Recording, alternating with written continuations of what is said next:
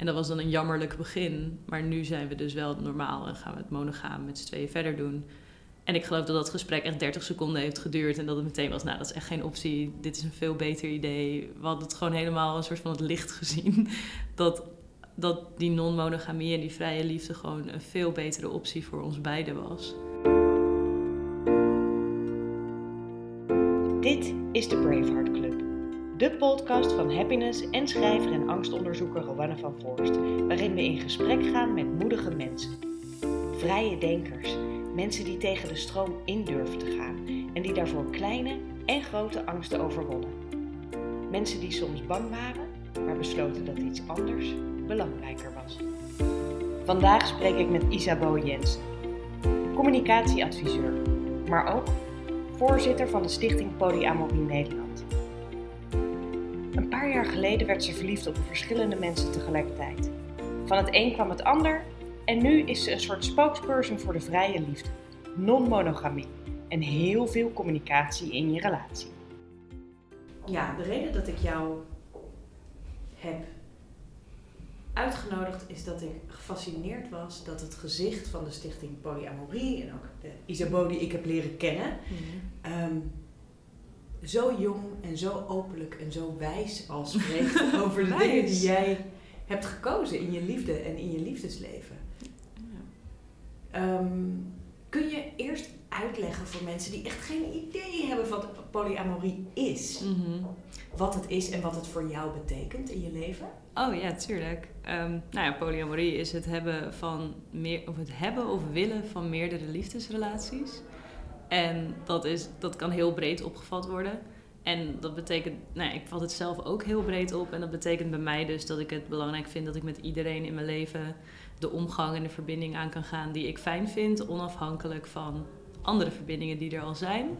Dus ik heb bijvoorbeeld vijf jaar lang al uh, dezelfde partner. En dat is een hartstikke, ja, tussen aanhalingstekens serieuze relatie. Maar daarnaast zijn er ook nog hartstikke veel andere mensen die ik uh, seksueel, vriendschappelijk, romantisch zie daarnaast. En nou, voor mij betekent polyamorie ook een beetje dat al die hokjes ook een beetje vervagen, denk ik. En, en dat zijn verschillende partners of verkeringen, of, maar wel mensen waar je ook echt iets voor voelt. Dus het gaat niet alleen om de seks. Ja, nee, ja, precies. Dus nou ja, je hebt vaak met seks wordt er vaak gesproken over open relaties. Dus het hebben van een partner en daarnaast seks hebben met andere mensen. En dat is dan heel duidelijk afgebakend alleen maar seks. En ehm, het idee bij polyamorie, of in ieder geval de, in de manier waarop ik non-monogaam ben, is dat ik uh, verliefd kan worden op wie ik wil, met iemand op date kan gaan, leuke dingen kan doen en daar, nou, dat heel romantisch benaderen. Dus van meerdere mensen tegelijkertijd mag en kan houden en mijn partners ook. En nou ja, dan wordt het ook een beetje onduidelijk wat dan nog een relatie is en wat niet. Ja, dat snap ik. En ik bedoel, jij kwam binnen net voor het interview en toen vroeg ik al heel onbeschaamd vrij snel van hoe oud ben jij eigenlijk? ja. ja, ik ben 25. Dus je was 19 toen je verliefd werd op een tweede persoon of iemand buiten je vaste relatie? Ja, ik, werd, ik ontmoette Felix toen ik, ik denk net 20 was. En toen werd ik verliefd op hem terwijl ik al een partner had en daar ook mee. En toen al met die andere partner in één huis wonen. Dus blijkbaar doe ik ook heel veel dingen veel sneller dan, uh, dan gemiddeld. En uh, dat vond ik super stressvol. Maar toen heb ik dat thuis wel verteld. Want ik denk wel dat er bij mij iets in zit dat ik gewoon best wel eerlijk ben, heel snel. Waar, dat ik, dat, waar ik dat rechtvaardig vind. En nou ja, ik vind dat in liefde en in afspraken heel belangrijk. Ja, ik vind dat heel mooi. Want als je op jouw website kijkt, of op de uh, website van de stichting mm Polyamorie, dan gaat het ook niet alleen over verliefdheid of over seks, maar ook over heel veel communicatie binnen je relatie. Hè? Daar sta je ja. voor. Ja ik, denk dat, ja, ik denk dat communicatie eigenlijk een soort van eis is. Zeker aan het begin, als je aan het uitzoeken bent, nou, op wat voor manier willen wij of ik me verbinden en verhouden tot de mensen om me heen. En vaak begint dat natuurlijk bij dat je al één partner hebt en dat je het daarover gaat hebben samen. Van goh, hoe willen wij dat dan inrichten? Wat zijn onze afspraken? En daar moet gewoon heel veel gepraat worden. Want je gaat iets zelf designen in plaats van dat je gewoon pakt wat de regels al van de rest van de wereld zijn, denk ik. En hoe was dat voor jou om dat eerst binnen je relatie te doen, maar daarna ook bijvoorbeeld eh, ja, aan je ouders of aan je vrienden Mm. te zeggen van ja, ik doe, ik doe niet een relatie op de gewone manier, op de standaard Nee. manier. Ja, en ja, ik denk dat ik dat nog wel een stuk moeilijker vond. Want eh, Buiten je relatie. ja, buiten, buiten die relaties die er toen waren, zeg maar vijf jaar terug. Omdat ehm, zij hebben er niet voor gekozen. En met je partner, of met mijn partner, was ik in ieder geval op zoek naar... oké, wat werkt voor ons, wat willen we? En als je naar je ouders toe gaat, naar je vrienden... dan moet je opeens helemaal gaan uitleggen waarom je je anders gedraagt dan gemiddeld of normaal of normatief. En eh, ik heb daar ook best wel lang mee gewacht, vooral bij mijn ouders, om dat te vertellen. Omdat ik merkte al bij vrienden dat ze best wel gevoelig waren voor zeg maar, die coming out of dat, dat verhaal. Omdat zij zich toch een soort van aangevallen voelden in dat zij dan wel monogaam bleven of monogame ideeën hadden. En dat mensen best wel agressief of negatief konden reageren daarop. Dus dan ging jij iets vertellen over hoe jullie dat doen. En daar Mhm. ga ik je straks natuurlijk nog allerlei praktische vragen over stellen. Ehm, en dan, dan zeiden mensen, "Mm, dat is raar. Of eh, gingen ze re- redenen opnoemen waarom zij dat nooit zouden kunnen? Of Ja, vooral dat. Van, oh, dat zou ik. Dus altijd of dat, oh, dat zou ik echt niet kunnen. Of oh, dat wil ik ook. Ik ben super jaloers op je. En op allebei die reacties heb je niet echt iets terug te zeggen. Want je bent een beetje van, oh, oké. Ehm, nou, goh, eh, dat kan. Of ja, dan is ook oké. Want allebei de, allebei de kanten zijn in dat, in dat opzicht prima als je er maar actief eh, voor hebt gekozen. Hoe vond jij het in het begin? Dus ik neem aan dat jouw partner destijds open stond. Hè? Want jullie zijn nog steeds samen. Eh, Die eerste partner is er niet meer. Oh, die maar Felix is er nog wel. Ja. ja. Ehm, dus hij staat daarvoor open of Mhm. wil dat zelf ook in zijn leven. Mhm. Hoe is dat voor jullie geweest om dat in het begin te exploreren, terwijl je zelf ook nog niet zo heel goed misschien wist hoe dan wat ik vrije liefde eruit ziet? Eh, nee, ik had ook geen idee dat dat een ding was wat bestond. Ik dacht dat ik een soort van het wiel had uitgevonden en ik vond mezelf ook super stoer. Dat ik dat toen had bedacht op mijn twintigste. Ehm, ja, en met Felix, ja, die ontmoette natuurlijk iemand. Kwam ook gewoon uit de monogame wereld, had ook nog nooit iets aan vrije liefde gedaan. En die ontmoette een persoon die hij leuk vond en die zei: Ja, ik heb wel al een vriend, dus misschien is dit niet zo handig, maar laten we een manier vinden waarop het wel handig is. En die is daar toen zo met beide benen ingesprongen, wat ik ook wel echt bewonder, want hij was daarvoor single en hij besloot wel een soort van ingewikkelde constructie te gaan opbouwen from the ground up. Een echte derde te zijn. Ja, en op dat moment inderdaad een soort van nieuwe persoon te zijn. En je moet er verhouden tot een relatie die er al twee jaar was. Ehm, en toen die eerste relatie uitging, waren we opeens met z'n tweeën, wat we dus nog nooit waren geweest. En dat was eigenlijk het vreemdste moment. En dat je dan kan, zou kunnen zeggen, hypothetisch gezien, oké, nou ja, dat was dan leuk. En dat was dan een jammerlijk begin. Maar nu zijn we dus wel normaal en gaan we het monogaam met z'n tweeën verder doen. En ik geloof dat dat gesprek echt 30 seconden heeft geduurd. En dat het meteen was, nou, dat is echt geen optie. Dit is een veel beter idee. We hadden het gewoon helemaal een soort van het licht gezien. Dat, dat die non-monogamie en die vrije liefde gewoon een veel betere optie voor ons beiden was. En toen zijn we pas nou, gaan inlezen en op zoek gegaan naar wat, wat betekent dat dan en hoe doen andere mensen dat. En betekent het voor jou of voor jullie dat je wacht tot je verliefd wordt op een ander toevallig? Of is het iets wat je uitnodigt in je leven? Ik denk dat je zou kunnen zeggen dat wij ons een soort van als singles gedragen, maar tegelijkertijd ook gewoon een hele stevige partnerschap hebben. Dus we doen hele klassieke dingen. We hebben gewoon dates en we gaan met kerst naar mijn ouders. Alleen zijn er dan ook andere partners bij. En tegelijkertijd hebben we Die gaan mee met kerst naar je ja, ja, ouders. zeker. Ja, want eh, wij zijn op een punt waar er ook andere mensen zijn die... Ja, je kan niet echt vergelijken, maar die even belangrijk zijn. Die ook gewoon een partner zijn. Die echt geen extra meer zijn. Ehm, ik denk dat het, het nog het meest kan vergeleken worden in die zin met dat mensen hebben meerdere vrienden. En je noemt meerdere mensen om je heen je beste vriend. En dat heeft niks met elkaar te maken. En dat hebben wij denk ik ook met partners en met verliefdheid en met seksuele partners. En even terug naar je ouders, want jij hebt ze Mhm. dat op een gegeven moment verteld. Mhm. En inmiddels zit jij met hoeveel partners aan een kerstdiner? Eh, we komen, we gaan met z'n vieren naar mijn ouders toe. Dus dat is met, met, ja, met Richard, met Felix en Bas. En Bas is dan met eh, Felix en mij allebei. En hoe vinden je ouders dat? Die vinden het onderhand hartstikke gezellig. En die zijn er na vijf jaar ook echt wel aan gewend. En eh, ik heb ook laatst aan mijn moeder gevraagd hoe ze, wat ze er nou echt van vindt. Want ik ben ook enig kind. Dus het is ook het enige wat ze kennen als ouders. En toen zei ze, ja, het past ook gewoon bij je. Het is gewoon wie jij bent. Ehm, ja, en nou ja, ze vinden het dus ook wel leuk dat er meer mensen aan de kersttafel zitten dan alleen maar ik, denk ik. En dat zijn wel ook, zoals je zegt, belangrijke relaties. Dus het zijn Ja. niet on- en off vriendjes per se. Nee, kijk, er zijn ook wel on- en off mensen die langskomen bij zowel Felix als Bas als mij. Er zijn altijd, maar ja, dat heb je altijd wel. Er zijn altijd mensen waarmee je even verbindt en die je dan weer een tijdje niet ziet. En ik denk dat het grote verschil met, eh, met Bas en Vee en Richard gewoon is dat die echt ja, een soort lange termijn zijn. Ik denk dat tijd het enige is waar ik nog aan kan meten. En, en, en vlinders in mijn buik, zeg maar. Dat zijn het enige twee maatstaven nog. En heb je het gevoel dat jij en Felix nog steeds de kern vormen? J- jullie wonen samen ook? Nee, ik woon samen met Richard. Oh, je woont samen met Richard? Ja. Zie ik ben nu al in de war. Ja, nou, ik woon met Richard in één huis en we hebben allebei een eigen slaapkamer. Dus dat is dan, veel mensen zien dat dan als huisgenoten, maar omdat hij dan wel een partner is, is het dan wel, wel weer samenwonen. Dus dat is ook al, eh, dat, dat past ook al niet helemaal in een plaatje of zo.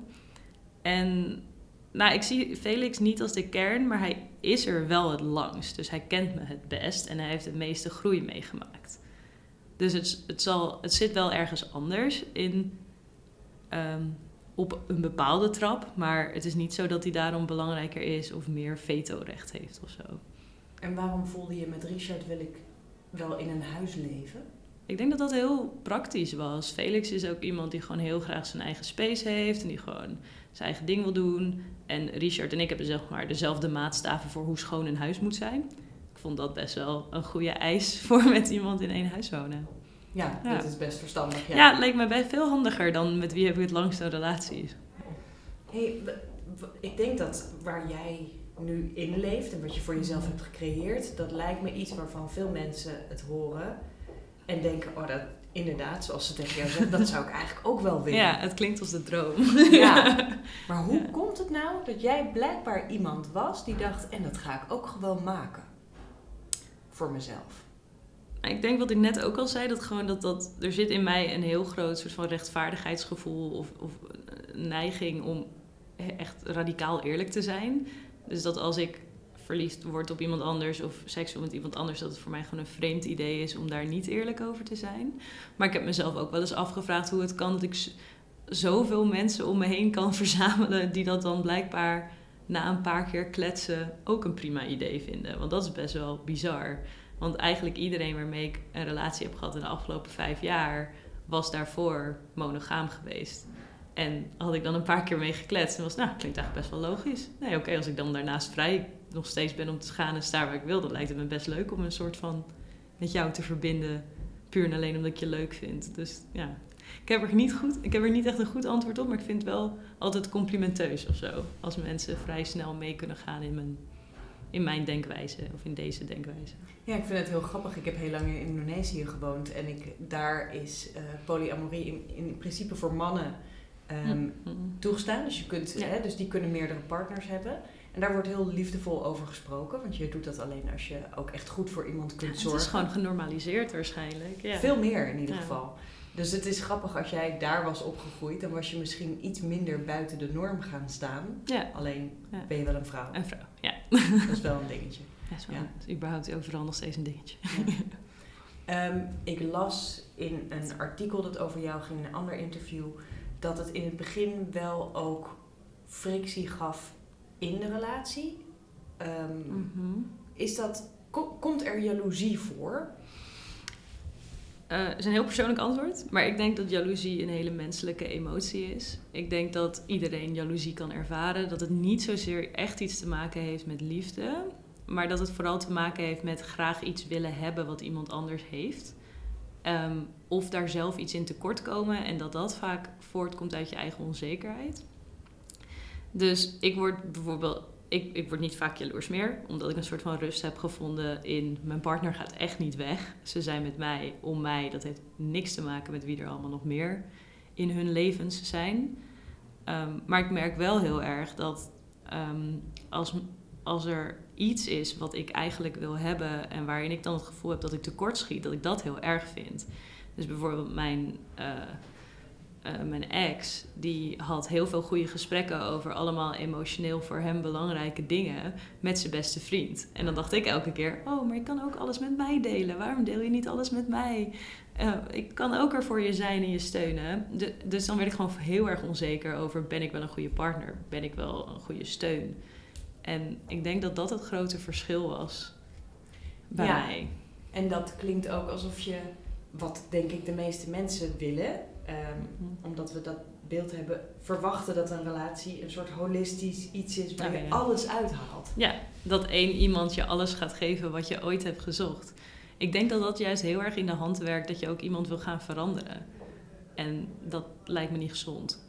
Grappig genoeg, ken jij wel ook ehm, jaloezie of angst uit je monogame relatie? Hè? Ja, maar ook wel uit deze relatie. Je hebt vaak genoeg het gevoel dat iemand weg gaat gaan. Want hoe leuker je iemand vindt, hoe naarder je het zou vinden als ze weggaat. Dat blijft altijd hetzelfde. Ehm, dus die angst is er altijd. Maar ik vind het juist een stuk bevrijdender en rustgevender als ik weet dat partners kunnen altijd weggaan. Iedereen kan altijd weggaan als ze je niet meer leuk vinden. Maar als nu iemand weggaat, is dat puur en alleen omdat ik niet aardig was. Of iets stoms deed. Of het klikte niet meer. Of er was geen tijd meer. En het is nooit om iemand anders. Om iets wat ik niet kan eh, beïnvloeden. Het is altijd alleen maar om mij. En dat vind ik juist wel een heel chill idee.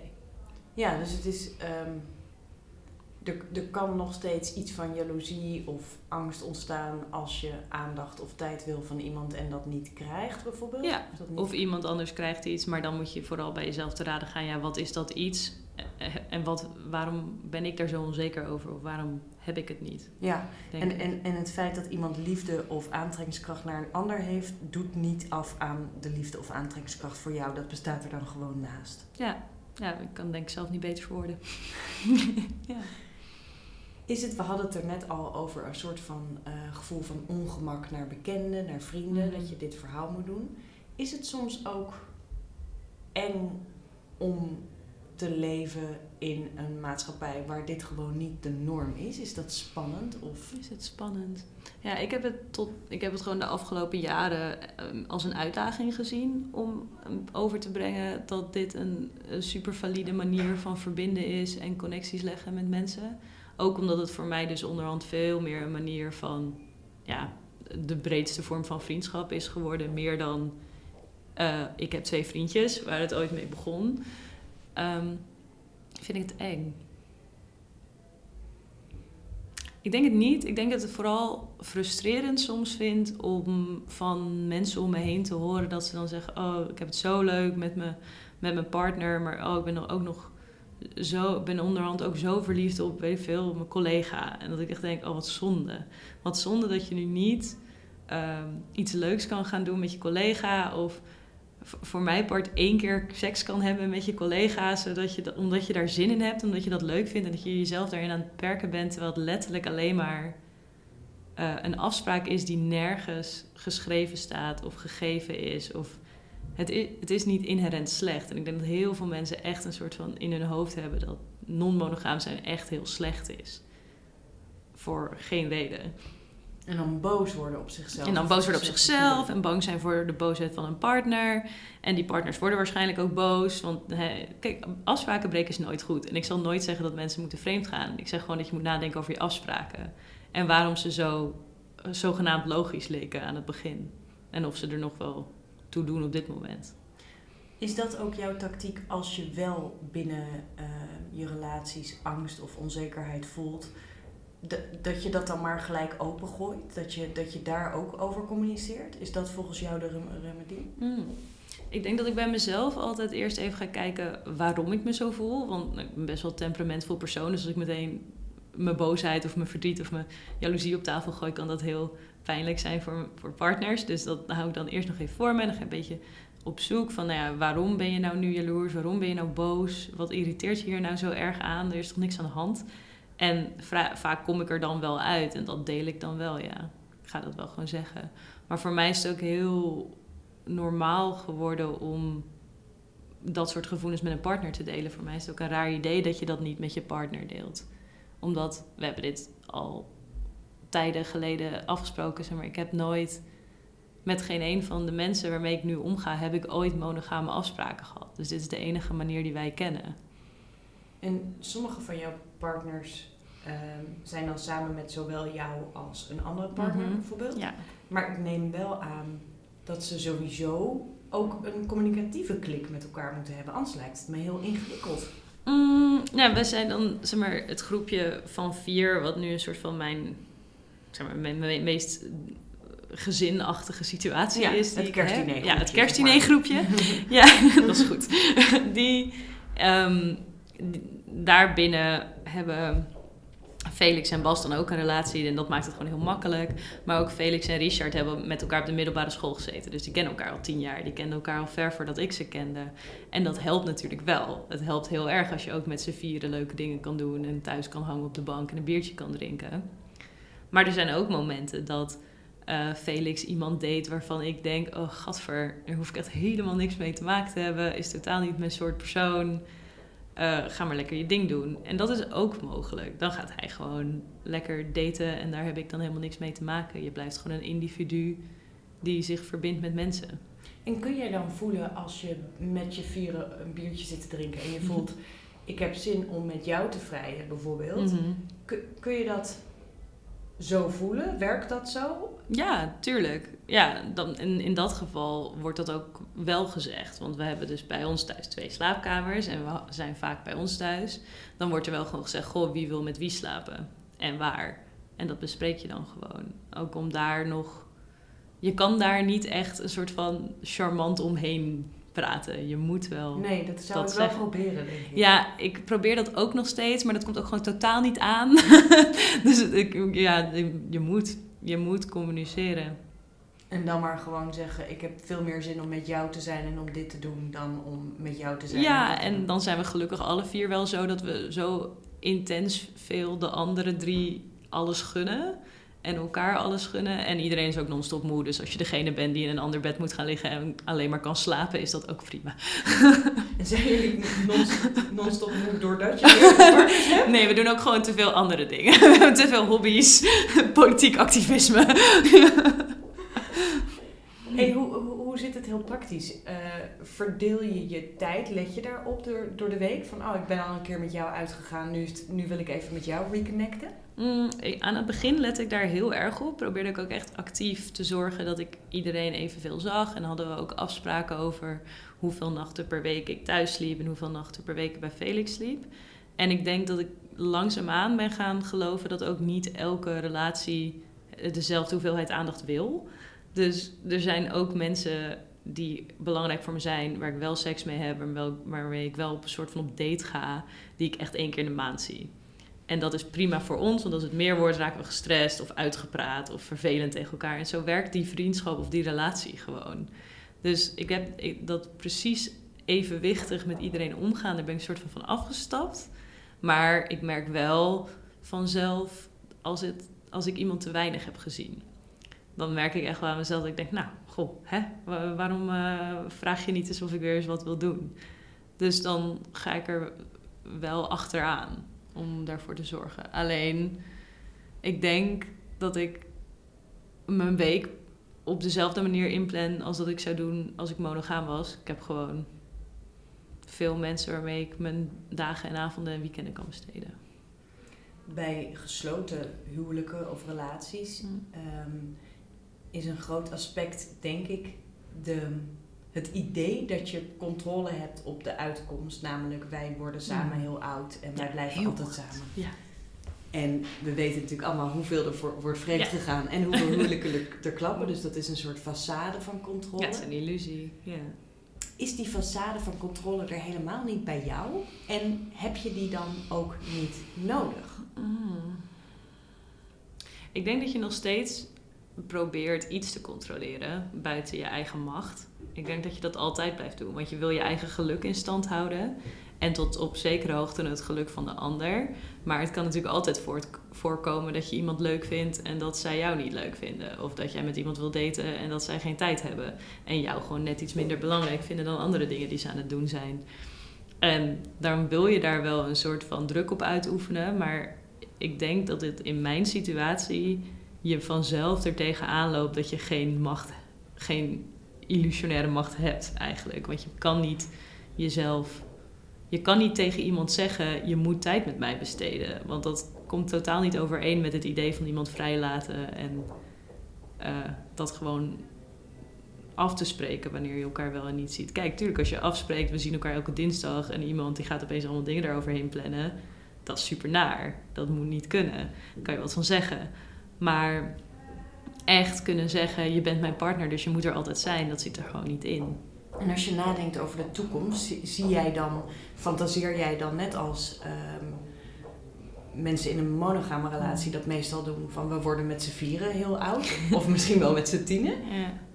Nou, ik denk, als ik aan de toekomst denk en als ik aan relaties denk, dan hoop ik wel dat ze zo lang mogelijk leuk blijven. Alleen ik denk dan wel, er zit heel veel verandering in uh, mij als mens en in het leven en in hun leven en in uh, wat voor ontplooiingsmogelijkheden er allemaal zijn. Dus um, ik probeer het een soort van los te laten, maar ik wil elke keer als het heel leuk is, dan hoop ik heel erg dat het leuk blijft op de manier waarop het nu leuk is. Maar dat is, ik weet van binnen dat dat niet kan. Dat is, het is niet mogelijk dat ik me niet meer ga ontwikkelen, al die partners zich niet meer gaan ontwikkelen en, en er niks meer gebeurt. Dus ik probeer juist heel erg um, met partners en met mezelf in gesprek te blijven over uh, wat werkt op dit moment voor ons? Is dat bijvoorbeeld met Richard in één huis wonen? Of uh, werkt dat op een gegeven moment niet meer en ga ik dan ergens anders wonen, omdat ik daar zin in heb? En dan is dat dus niet, oh, het samenwonen is mislukt. Maar dan is dat gewoon, dat werkte voor een aantal jaar, nu werkt het niet meer, dat is niet verdrietig, dat is anders. En dat heb ik dan maar te accepteren. En dan wordt het weer leuk op een andere manier. Praten jullie samen of denk jij wel eens na over bijvoorbeeld kinderen? Ik niet. En die jongens? Um, ik, ik weet. ze nu al de jongens. De jongen, de mannen. De mannen van het kerstdiner. De mannen van het kerstdiner. het klinkt ook alsof er inderdaad ook nog een wijze meekomt en een ezel en een ja. ja. um, ik weet dat Felix vooral het idee heeft dat als hij uh, op een gegeven moment de financiële middelen heeft, dat hij heel graag een pleegkind wil opvangen. Maar dat komt ook wel uit, uit zijn achtergrond, want hij, is, uh, hij werkt in, heeft in de jeugdzorg gewerkt. En volgens mij hebben nou, Richard en Bas geen kinderwens. Maar ja, als ze dat dus zouden willen, dan raad ik ze van harte aan om dat met iemand anders te doen. Ja. En niet met mij. Nee. Kan wel. Ik heb wel ooit aan Richard beloofd in een dronken bui om draagmoeder te zijn als hij ooit met een andere man een kind wil. Dus dat zit er dan ook nog wel een soort van in dat dat soort dingen kunnen. Ja. Je begint gewoon overal wat makkelijker over na te denken, denk ik. Ja, en je eigen regels te creëren. Ja. Daar gaat het eigenlijk steeds over. Ja. Wat heeft het jou gebracht, denk je, dat je jouw eigen regels durfde te maken? Ja, ik denk voor mijn gevoel volledige vrijheid in uh, elk leuk, aardig, lief, sexy persoon die ik tegenkom, kan ik verzinnen hoe ik met ze om wil gaan. Zonder dat dat betekent dat ik geen duurzame relaties erop nahoud. Want ik heb een heel sterk netwerk nu waar ik op terug kan vallen als ik ziek ben of als er iets aan de hand is. En waar ik heel veel steun uit haal. Maar ondertussen leef ik ook nog een soort uh, top, vrij, single seksleven. En ik denk dat die combinatie echt heel fijn is. En dat het echt onderschat wordt. Hoeveel je daar uit allebei die dingen kan halen. Is het een hele generaliserende gedachte als ik denk dat jullie met z'n viertjes sowieso tegen de norm ingaan, maar jij misschien nog wel net iets erger omdat je vrouw bent? Mm. Oh, ja. Mm kan me voorstellen dat. Ik denk dat het ook heel erg zo lijkt omdat ik nu voor je zit. Zeg maar, en, en, en, je ook niet weet hoe, hoe Felix, Richard en Bas zijn. Maar ik denk inderdaad dat als wij media-optredens doen, dan krijg ik heel veel seksisme over me heen, vooral. Dus heel veel, oh, je bent een slet. En, uh, en ook tegenover. Uh, Felix, Richard en Bas van nou, je laat toch niet meerdere mensen in je vriendin roeren. Dat soort echt hele heftige seksistische dingen. Die verzin je vast niet zelf. Nee, dit komt allemaal echt van het internet. En zij krijgen met name veel homofobie over zich heen. En nu zijn we wel allemaal queer of bi, dus dat, zeg maar, dat, dat raakt ons net zo erg. Maar ik merk wel dat er bij mij ook nog een hele lading seksisme achter zit. Dus in die zin wordt het inderdaad voor mannen misschien normaal geacht dat ze veel seks willen, meerdere partners willen, en voor vrouwen minder. Ben jij ook in deze huidige samenstelling wel eens verliefd geworden op een meisje? Ja, heel veel. En, Er is er gewoon toevallig nooit één blijven plakken. en, want de mannen vallen dus zowel op mannen als Mhm. op vrouwen. Op mensen. En Ja. jij ook. Ja. Maakt het ook wel weer lekker ja, simpel. dat maakt het ook heel simpel. Ja, dat creëert ook wel makkelijkere kruisbestuiving. Ja. Ehm, als je kijkt naar wat het jou brengt, helemaal helder. Ehm, een soort vrijheid en je eigen Mhm. pad mogen volgen bijna. Ja. Zonder dat je jezelf beperkt van ja, een geen zelfonderdrukking. Nee. Ja. En je bent een soort van het gezicht ook wel van die vrije liefde Ja, dat was een geworden. ongelukje. maar het is wel zo gelopen. Ja. Zie je dat als belangrijk dat je dit ook naar buiten brengt? Mm, ja, ik denk dat, er, dat het voor mij heel belangrijk is dat als ik nu... Ik heb dit nu voor mezelf geregeld op een manier dat het absoluut geen pijn meer doet. Niet vervelend is. Het andere mensen ook geen pijn doet. En dat durf ik echt met 100% zekerheid te zeggen. En ik zie heel veel mensen om me heen die struggelen met non-monogaam zijn. Of net een open relatie proberen. Of, en, en maar ook met... eh, hoe, hoe werkt vriendschap tussen mannen bijvoorbeeld? Of hoe... ehm, op wat voor manier wil ik omgaan met eh, mijn familie en hoe dichtbij wil ik die hebben. Dus ik denk dat er zijn zoveel vraagstukken op het gebied van menselijke omgang en verbinding waar mensen tegenaan lopen. En daarvan zie ik dit als een soort van vorm die heel erg kan helpen. Van ga nadenken over hoe je met mensen om wil gaan en wat je wel en niet als eisen daaraan wil stellen. En welke van die eisen zijn misschien zelf opgelegd omdat je denkt dat het normaal is. Want wat kan je eens één andere levensles of inzicht noemen die jij hebt ehm, geleerd eigenlijk? Die misschien niet zozeer gaat over een liefdesrelatie, maar dan Mm. meer over hoe wil je je verhouden tot je familie of je vrienden?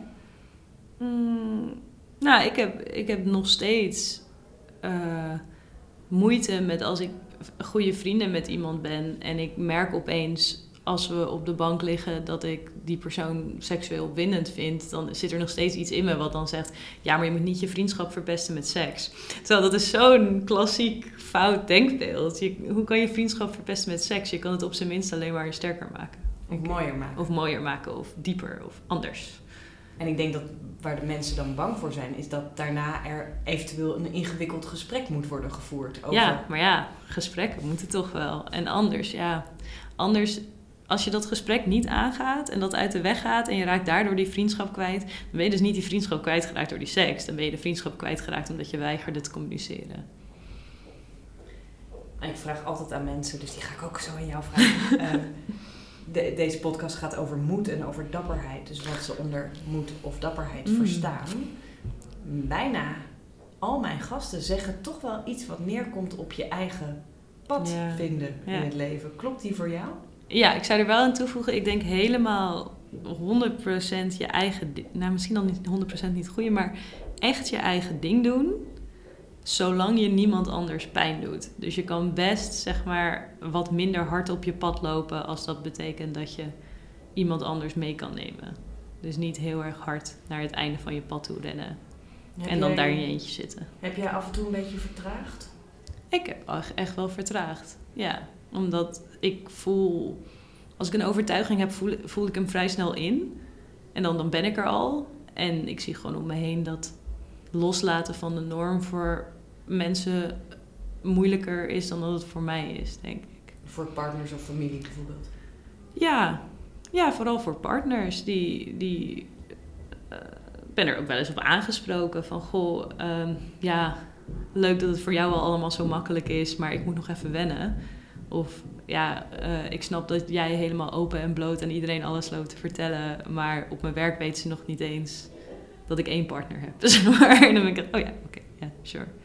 Dus ja, vertraag wel daarvoor. Ja. Oké, dankjewel. Alsjeblieft. nou, echt heel leuk.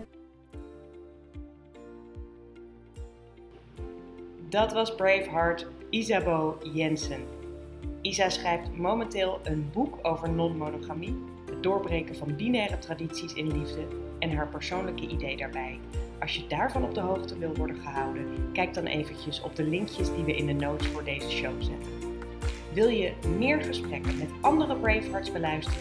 Kijk dan op www.happinessmetz.nl slash podcasts of kijk op www.happiness.nl slash braveheart. Tot gauw!